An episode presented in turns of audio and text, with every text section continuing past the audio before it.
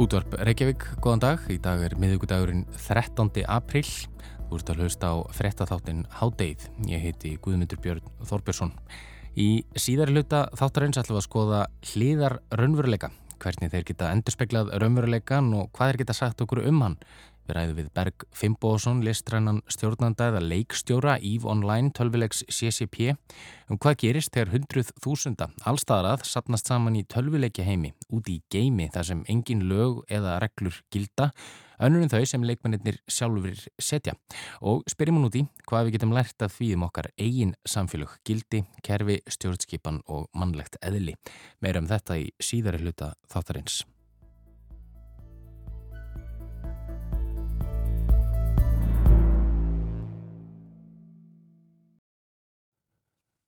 Innrás rúsa í Úkrænu hefur haft margvísleg áhrif á heiminn en eitt sem oft gleimist í þeirri umræðu er að hún er að byrja að valda nýri og vaksandi hungusneið á heimsvísu. Matvalastofnun Saminuð þjóðana segir að útlitið hafi aldrei verið svo svart frá því að stofnunin var sett á laginnar fyrir rúmum þremur áratugum. En hvers vegna og hvernig tekist það Úkrænu, innrás rúsa í Úkrænu, sestur hjá okkur Gunnar Jónsson, bladamæður. Velkomin Gunnar. Takk.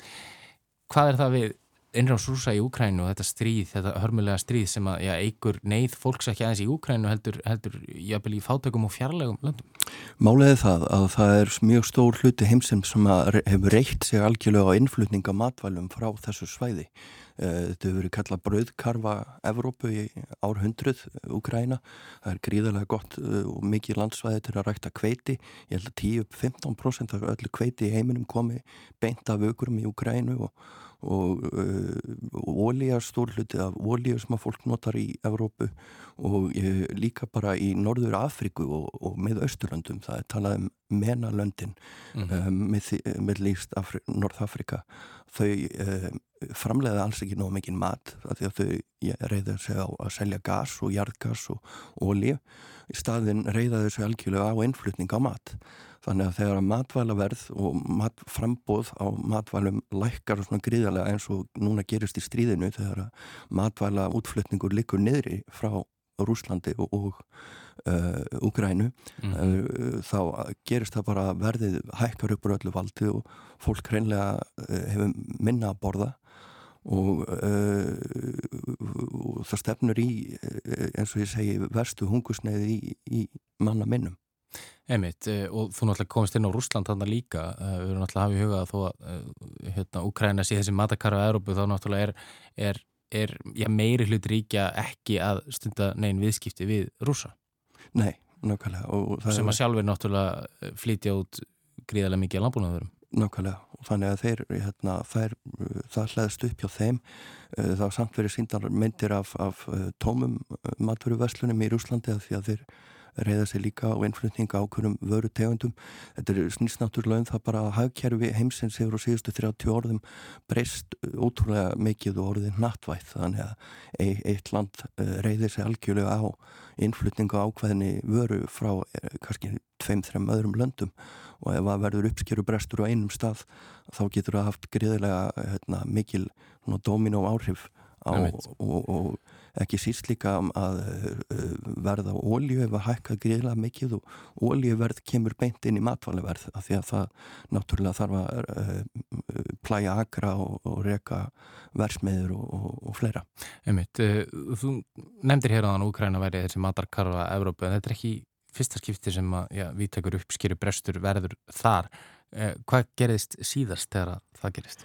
Það var margt annað sem kom að og reyndar er margt annað sem kemur að núna en það sem gerðist var 2010-11 var það að það varð algjör uppskýru brestur sem að leiti til þess að verða á nöðsynum hækkaði upp úr öllu valdi í Norður Afriku og með Östurlöndum og það var kveikjan að arabíska vorendu svo kallaða sem að uh, gerði það verkum að fólk uh, gátt ekki leng, lengur fætt uh, sig og sína og fór átt að götu og mótmælti háu háu verði.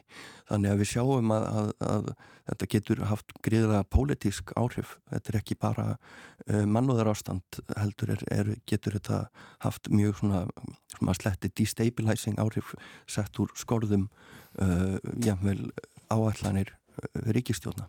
Einmitt, það er þessi keðjárhef sem þú talar um og náttúrulega talað um þetta sko, náttúrulega hann farir á Íslandi hefðu mögulega haft einhver áhrif á, á frönsku byltinguna 1789 Einmitt. Eh, þar sem það var uppskýrubrestur og þetta hefði svona kveikt í, í landanum mm, og en, við erum náttúrulega miklu, miklu meira samofinn uh, í dag heldur en nokkuð tíman þá einmitt, einmitt. En ástandi núna er já, sagt markvælt verra núna en áður og, og, og þetta muni vara lengur hvers vegna er talið að það mun endilega vara svona lengi? Vandamálið er það að það sem hefur líka gerst er að það er búið að hérna, uh, hefta útflutning á um, ábyrði og rússar og úkrænumenn og flutt út greiðlega mikið ábyrði og ábyrðurinn uh, er lekillin að uppskeru í mörgum löndum í Afriku og ef þessi ábyrður hækkar uppur öllu valdi eða berst ekki, er með svo hreinlega bara sumum tilvíkum berst ekki á réttum tíma að þá verður uppskerubrestur á næst ári líka og þá erum við að tala um tvö ári röð þar sem er ekki nægum matur í heiminum.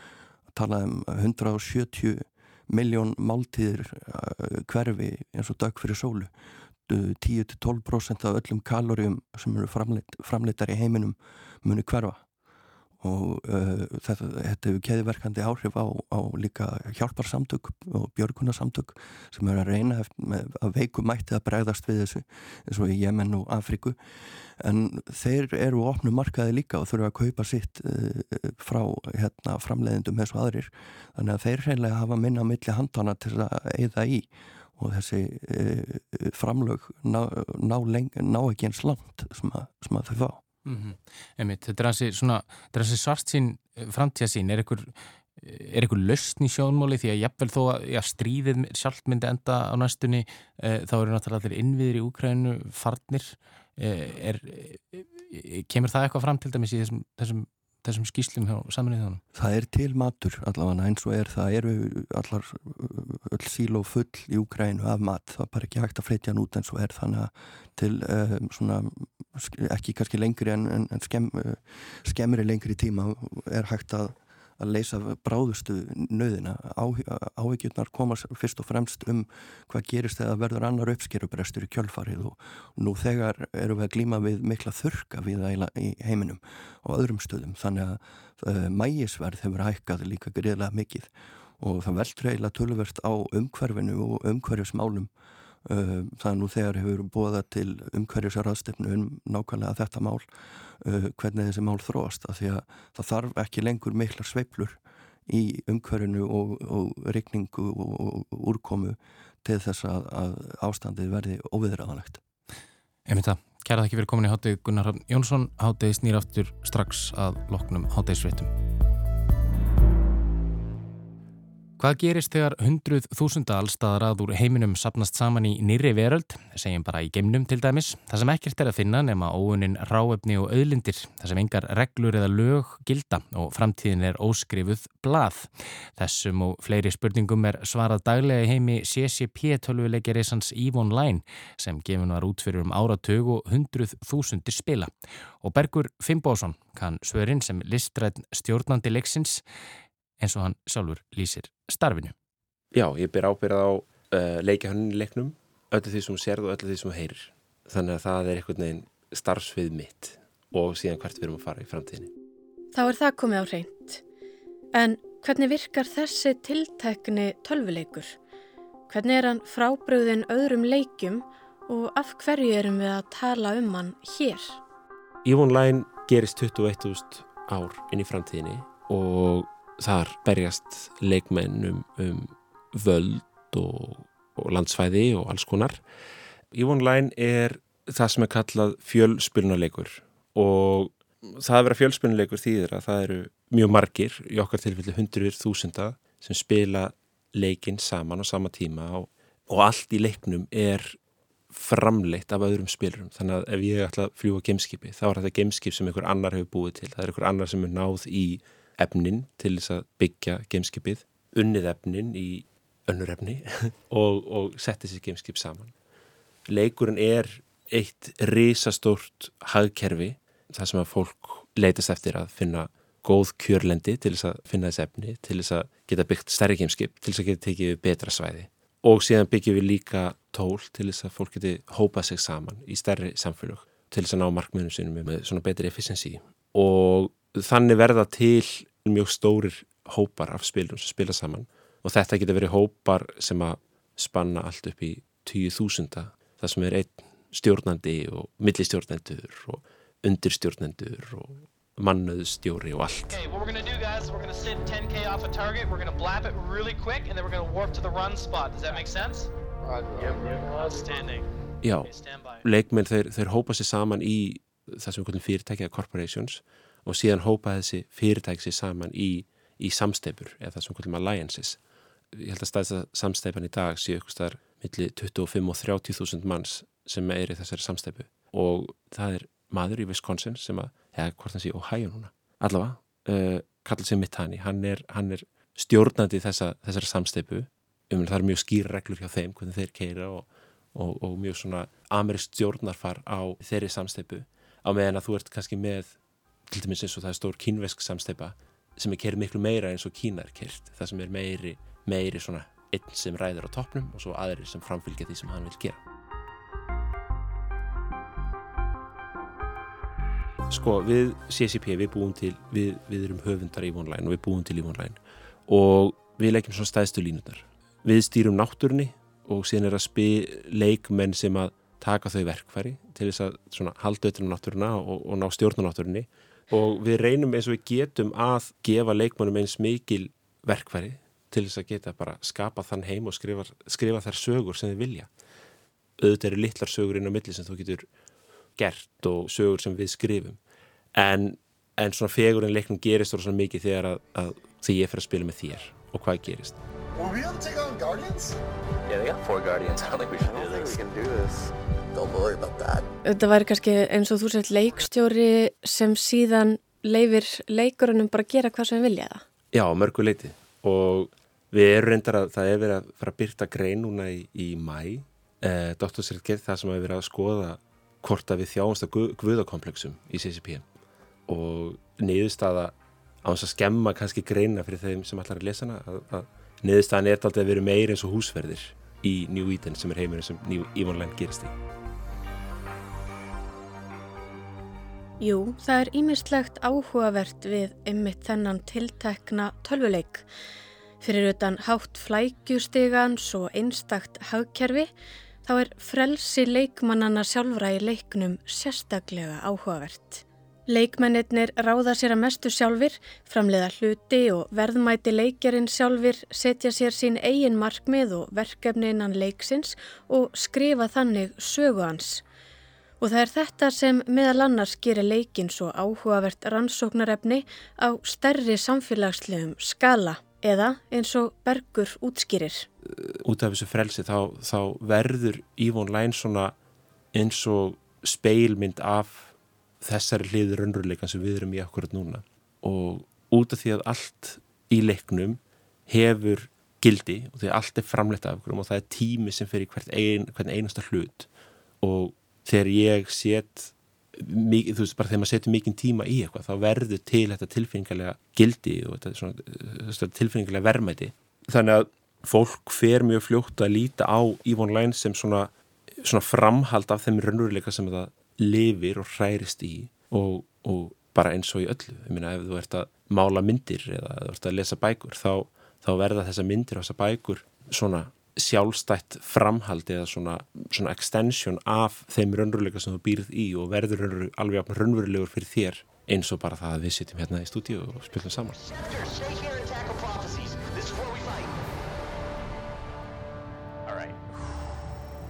En hvernig samfélag byggja hundruðir þúsunda manna á nýjum ósnortnum stað?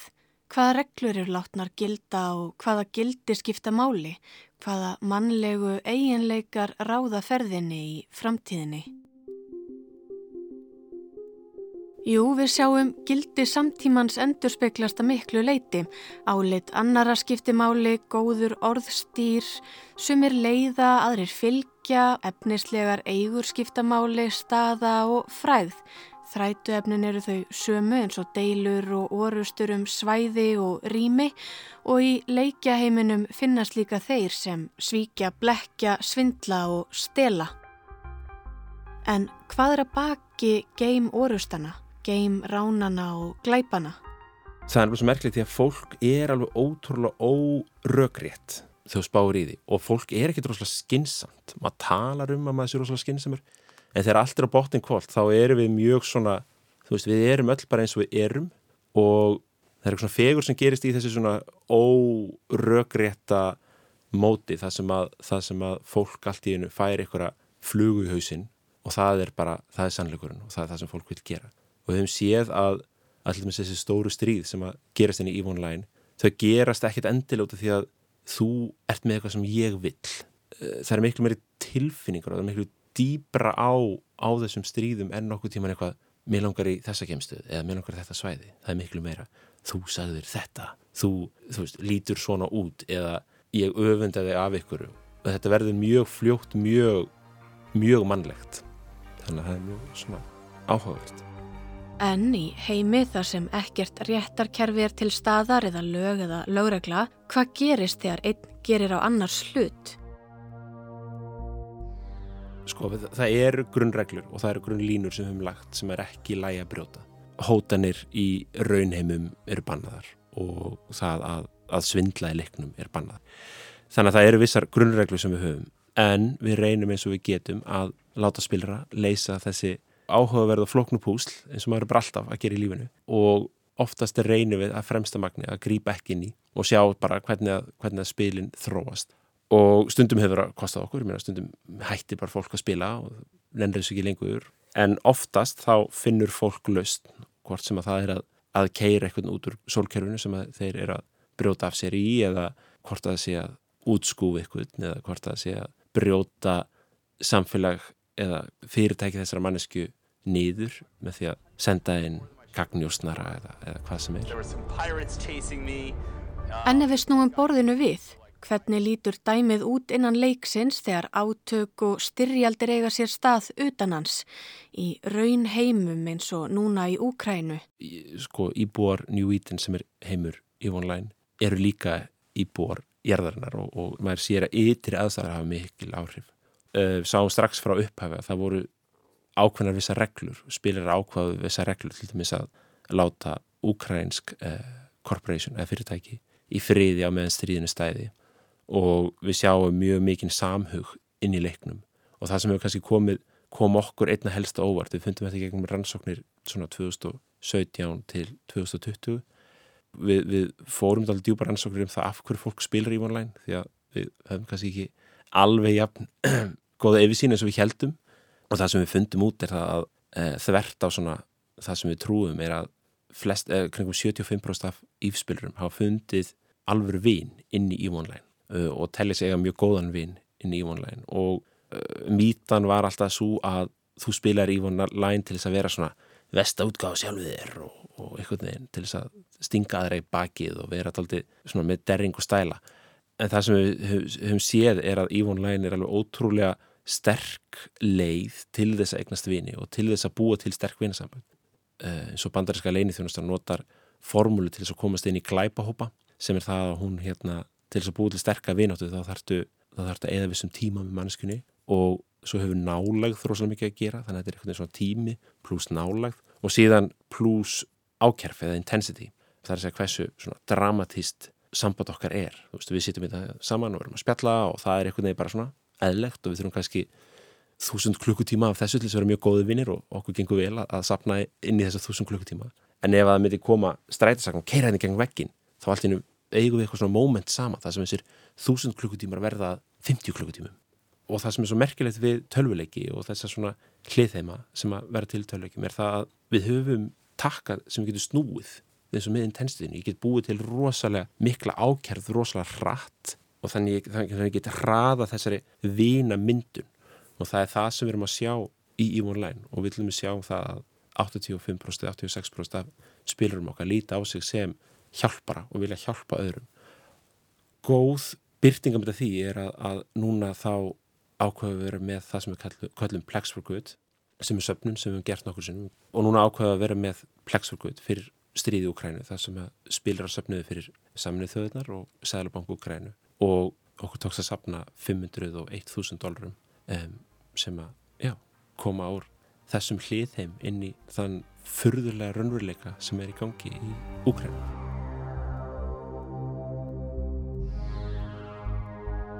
Leikmennir eru alls konar og allstarað en í leiknum mm. hefur, mm. hafið þið fundið fyrir því að sko landamæri raunheima skipti máli og allt sem í þeim fælst eins og mismunandi trú, menning, stjórnafar og svo framvegs.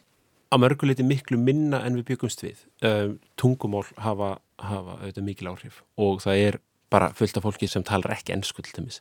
En við höfum séða kannski aðeins meira í, í stjórnunarháttum þessu stærri fyrirtæki að þau oft svona endur spekla stjórnandan sjálfan og þannig koma áhrif raunheima inn í, í þennan liðarheim en fólk sapna sér oft saman frá allstar aði heiminum og það verður oft til mjög svona já, mjög svona skemmtilega og dýnamisk sambund þótt að Line gerist 21.000 ár í framtíðinni þá eru ennþá þessi svona grunn hlutir sem allir er að sækjast eftir það eru allir aldrei bara svona að sækjast eftir vinnatu og ást og umhyggju og þetta er svona þeir hlutir sem að búa til lítill tári í augunum á mér alltaf er þegar maður hittir fólk sem að hefur fundið sér maka í gegnum leikin og kannski eigna spöld. Það er einhvern veginn þessi, þessir punktar sem að ég verð alltaf mjög meir. Sagði Bergur Fimboðsson listrætt stjórnandi Ívon Læn, það var ammaliðspartnið Katrín Ásmundsdóttir sem talaði við hann, en hádegið er á enda í dag og við heyrjumst aftur eftir páska.